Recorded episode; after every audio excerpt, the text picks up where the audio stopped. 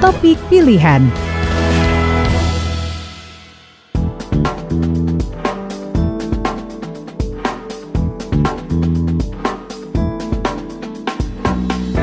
Baik, Classy People menanggapi pesta pernikahan anak gubernur Sumatera Barat satu hari sebelum penerapan pelarangan pesta pernikahan oleh Pemko Padang, ahli epidemiologi UNAN Devri Manjafri mengatakan pelaksanaan protokol kesehatan yang akan dilaksanakan Gubernur Sumatera Barat perlu dirancang sedemikian rupa. Karena penularan di pesta pernikahan berpotensi dari mulai kebiasaan berjabat tangan, saat uh, membuka masker dan makan hingga jumlah kapasitas orang yang datang. Jika tidak benar-benar menerapkan protokol kesehatan dengan ketat, maka pesta pernikahan anak gubernur Sumatera Barat di tengah pandemi ini yang akan dilangsungkan selama tiga hari bisa menjadi tempat penularan COVID-19.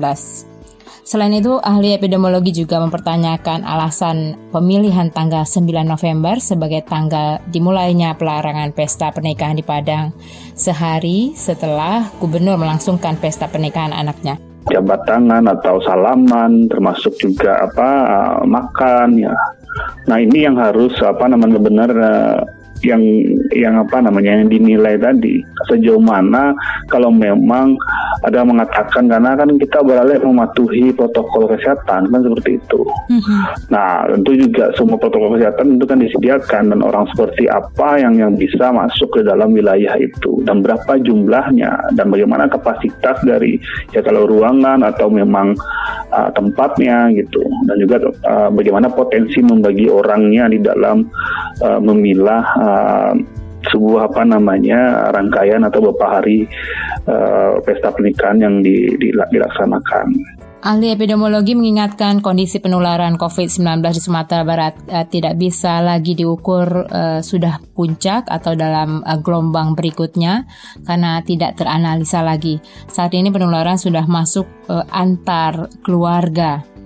Klaster pernikahan itu pun tidak bisa disebut klaster pernikahan karena OTG orang tanpa gejala sudah berada di mana-mana sehingga dampak penularan usai melaksanakan pesta pernikahan mengajak orang beramai-ramai datang ke pesta pernikahan tidak bisa menjadi penyebab karena tidak terdeteksi. Pemerintah diharapkan melakukan kajian terkait dengan kepatuhan masyarakat dalam menjalankan protokol eh, kesehatan di masa adaptasi kebiasaan baru untuk mengukur apakah memang berhasil melaksanakan protokol kesehatan atau ada yang mesti dibenahi. Demikian Dara Rinjani melaporkan untuk Lesi FM.